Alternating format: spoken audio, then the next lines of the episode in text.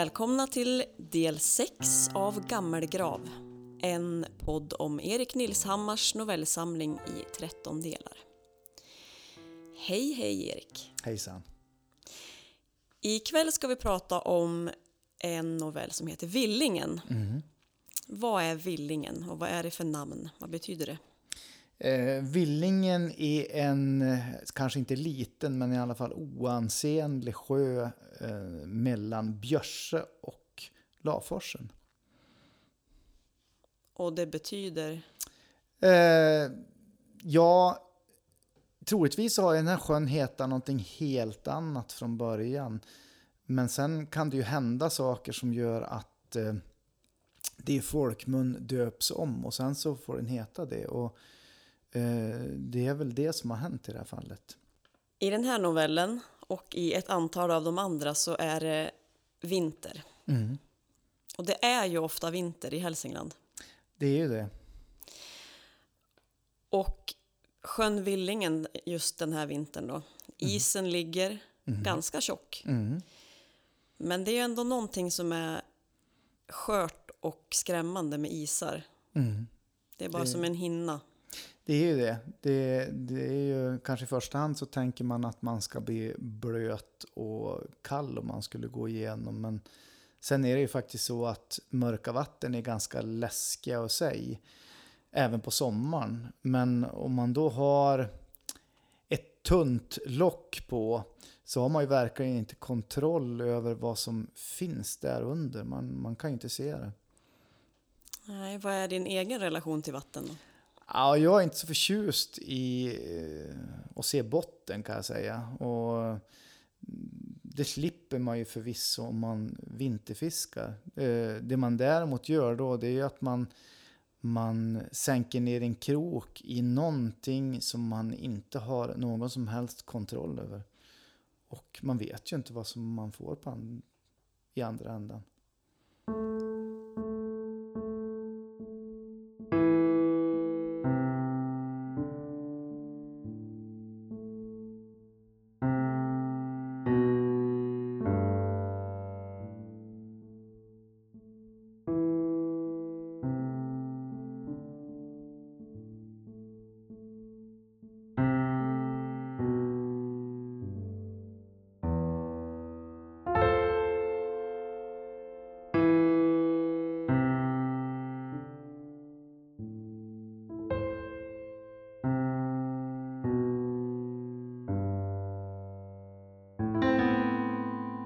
Villingen.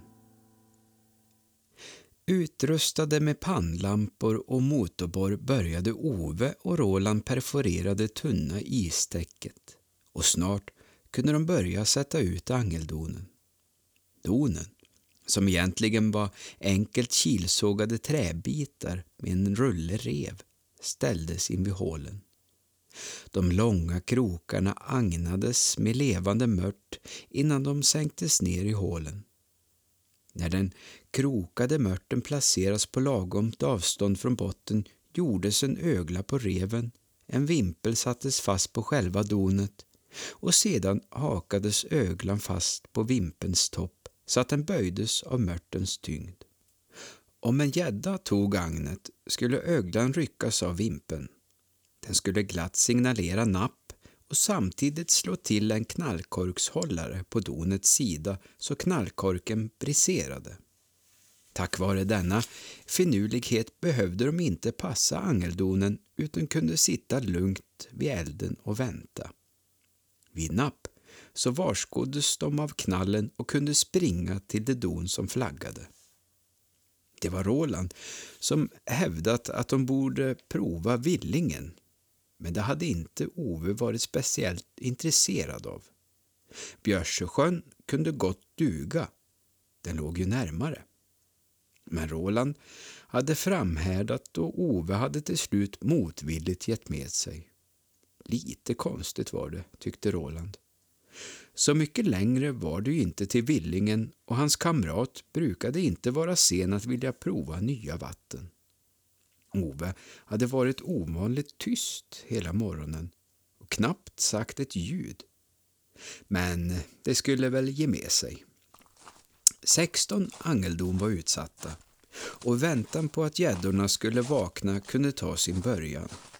Belåtet blickade Roland ut över sjöisen som fortfarande låg i dunkel och satte sig ner på varsin stolsryggsäck, tände en brasa och drack sitt kaffe.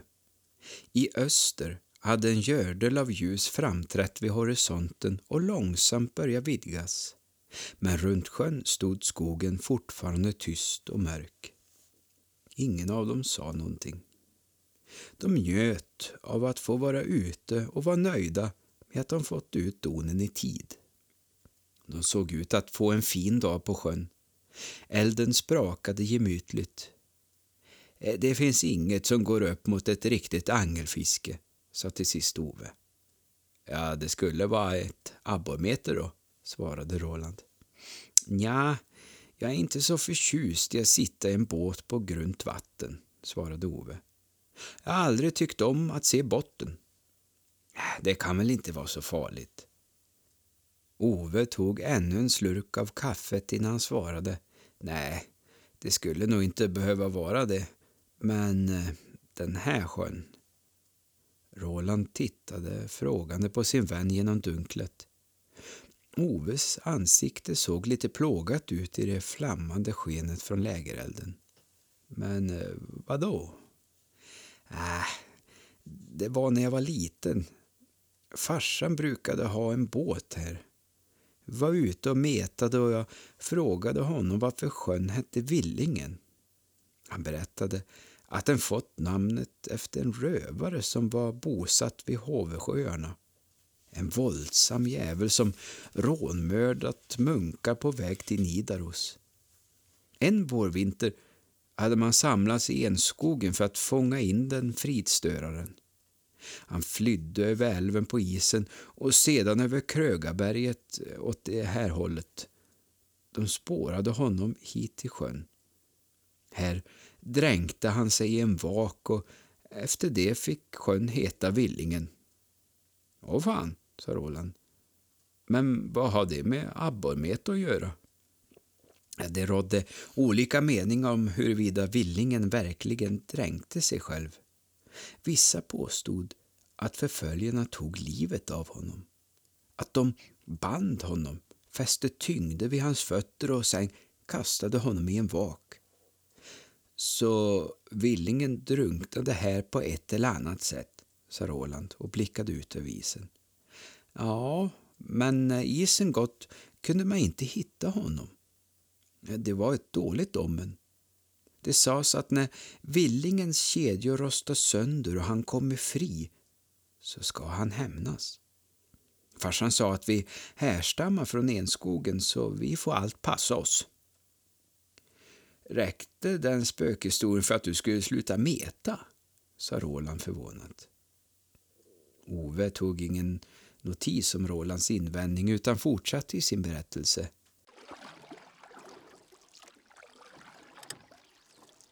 Eh, sen farsan berättat klart fortsatte vi meta. Jag låg på mage i fören och tittade ner i vattnet medan han rodde. Sakta åkte vi in i viken där vi sitter nu.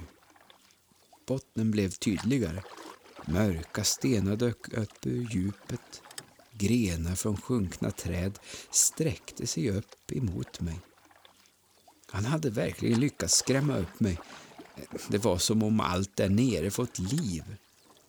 Plötsligt så såg jag två svarta ögonhålor som stirrade upp mot mig. En gulbrun dödskalle med grinande tandrad. Svarta armar sköt upp från botten. Eller om, om det var från helvetet. Jag skrek rätt ut.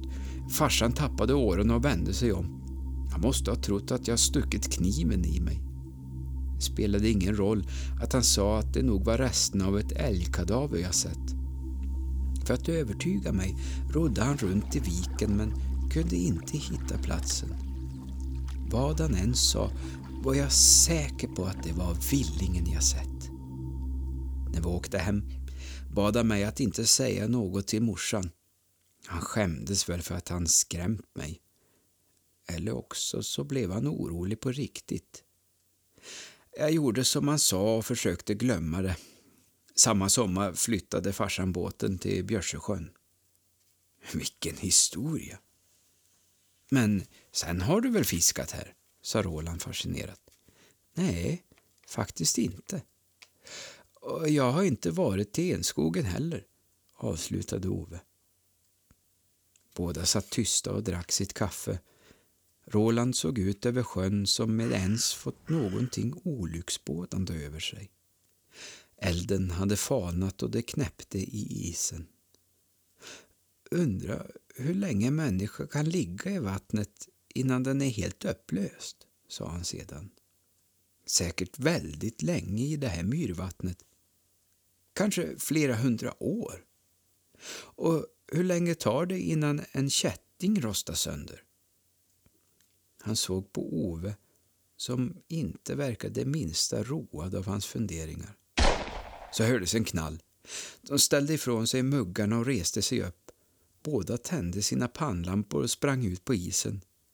Flaggan på donet längst ut fjädrade från sida till sida. Hon gick fram och såg hur rev matades ut från rullen och ner i hålet vilket tydde på att gäddan tagit mörten och nu avlägsnade sig med sitt byte. Nu skulle de bara vänta på att den stannade för att vända mörten så att den gick att svälja. När gäddan simmade vidare var det bara att rycka fast kroken i gäddkäften. De väntade och mycket riktigt stannade gäddan. Ove tog tag i reven och drog försiktigt i den för att få den sträckt. Med ett lätt ryck fortsatte den glupska fisken sin färd. Ove lät den gå en liten bit och svarade med ett mothugg. Det kändes stumt, vilket borde betyda att gäddan var krokad. Sitter den? frågade Roland. Ja, men den rör sig inte. Det känns som om det sitter en timmerstock i andra änden, svarade Ove med en konfunderad min. Eller också sitter den fast. Är den så stor? Försök att tvinga in den lite. Ove drog i linan för att få gäddan att följa med. Det går inte. Den måste vara jättestor, sa Roland entusiastiskt. Ta det försiktigt så linan inte går av. Ove lirkade lite med linan innan den gav med sig. Nu följer den med. Med lugna, jämna tag drog Ove upp meter för meter av linan på isen. Försiktigt tvingade han gäddan allt närmare och till slut var den i hålet. Med en lång svepande rörelse drog han upp fångsten genom det cylindriska tomrummet som isborren gjort i isen. Det rasslade till framför deras fötter. Förvånade stod de båda och tittade på angelkroken i änden av linan.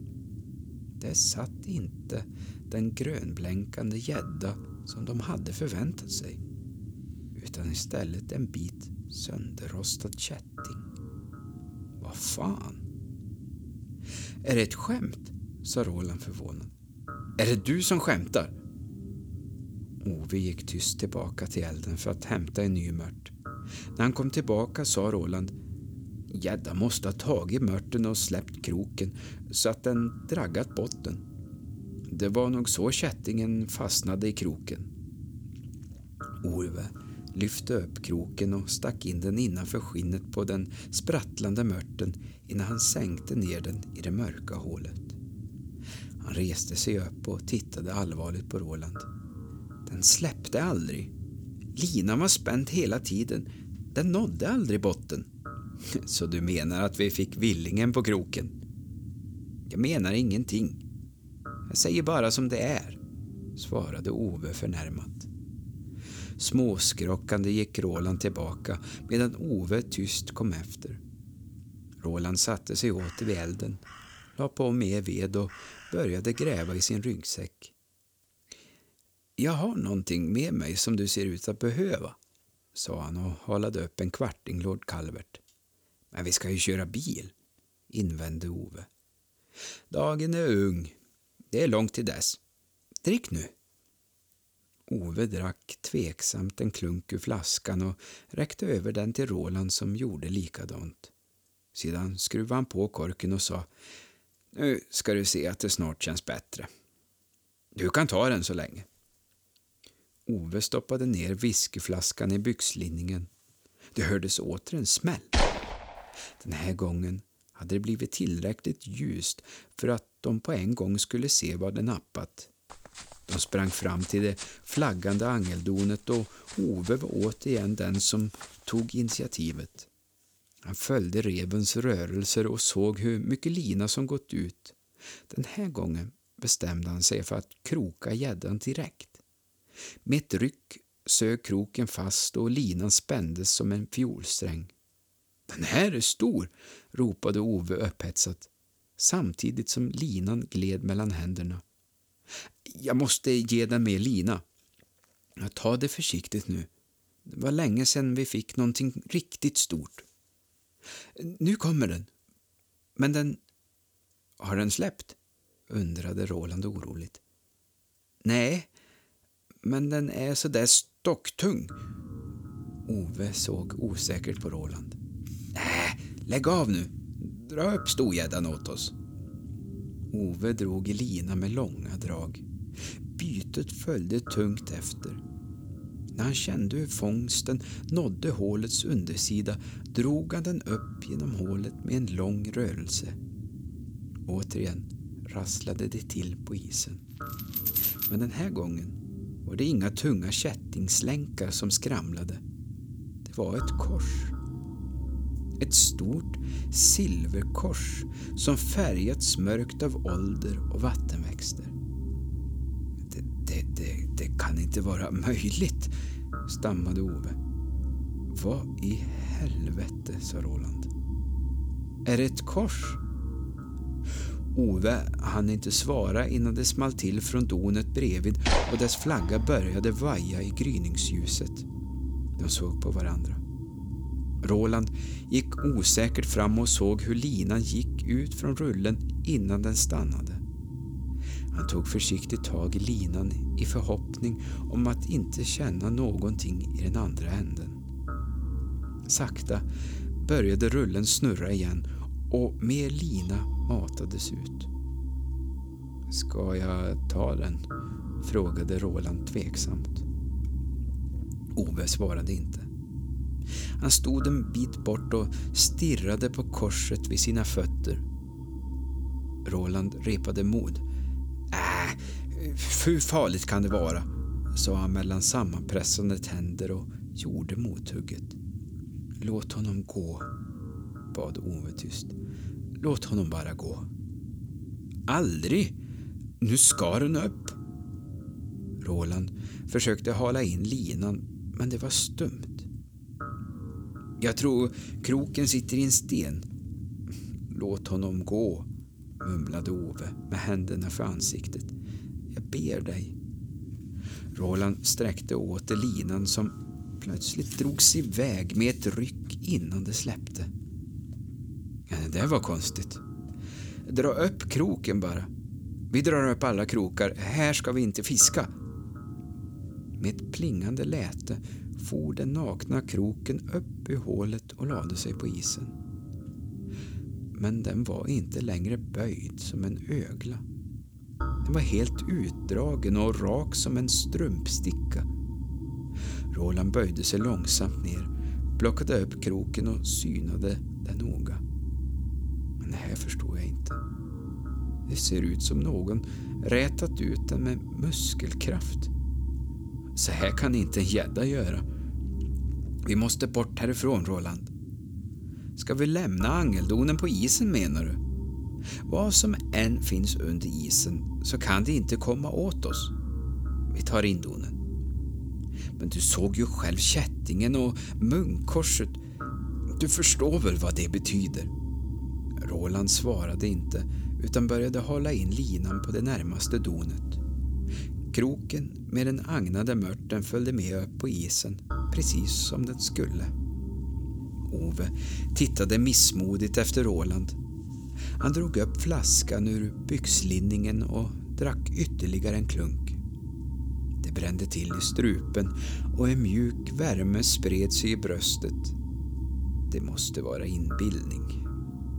Någon hade väl slängt ner järnskrot precis här. En bit av en kedja och något som såg ut som ett kors. Dåsig av spriten och lite lugnare blickade han bort mot sin fiskekamrat som böjt sig ner vid ett hål och börjat dra upp linan. Det såg ut att gå bra. Inga konstigheter. Kanske kunde de låta resten av donen stå kvar ändå och stanna någon timme till.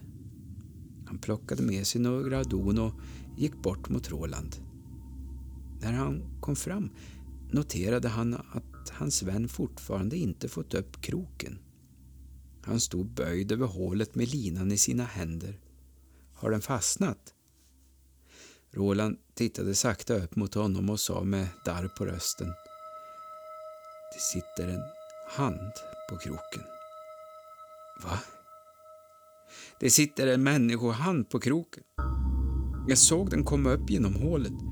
Först trodde jag att det var agnet, men sen blev det mer och mer lik en hand. Kroken gick rakt igenom den. Jag lät den sjunka. Det måste ligga ett lik under isen. Ove släppte donen och stirrade vettskrämt på Roland. Vi håller på att dra upp villingen ur sjön, bit för bit. En knallkork small av. Och så en till. Och ytterligare en. Som om en kulsprutesalva avlossats. Såg sig om. De var omringade av en skog av vinkande flaggor. Det var hugg på alla don samtidigt. Ett skalv gick igenom ismassan.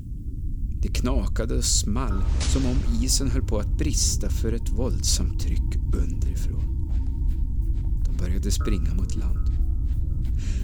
Det hördes ett åskmuller. Ove hukade sig och såg till sin fasa hur sprickor sköt ut som frusna blixtrar under hans fötter. På ett ögonblick färgades isen blåsvart som om den höll på att ruttna inför deras ögon. Den kristalliserades och blev porös. Sjön började öppna sig i breda råkar. De hoppade panikslagna från isflak till isflak. Vattnet tycktes koka. De var nästan framme. Men på bara någon sekund hade isen släppt. Det var landlöst. Utan att tveka hoppade Ove de sista metrarna över vattenränna och kastade sig upp på land. Han kravlade runt i snön men kom snabbt upp på fötter och fortsatte springa mot bilen.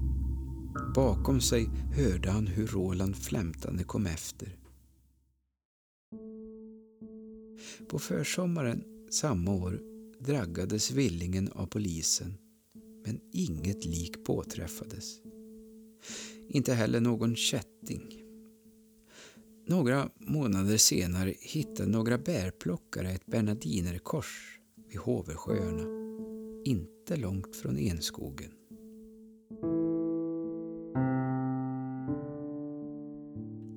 Du har lyssnat till podden Gammelgrav, producerad av Erik Toresson.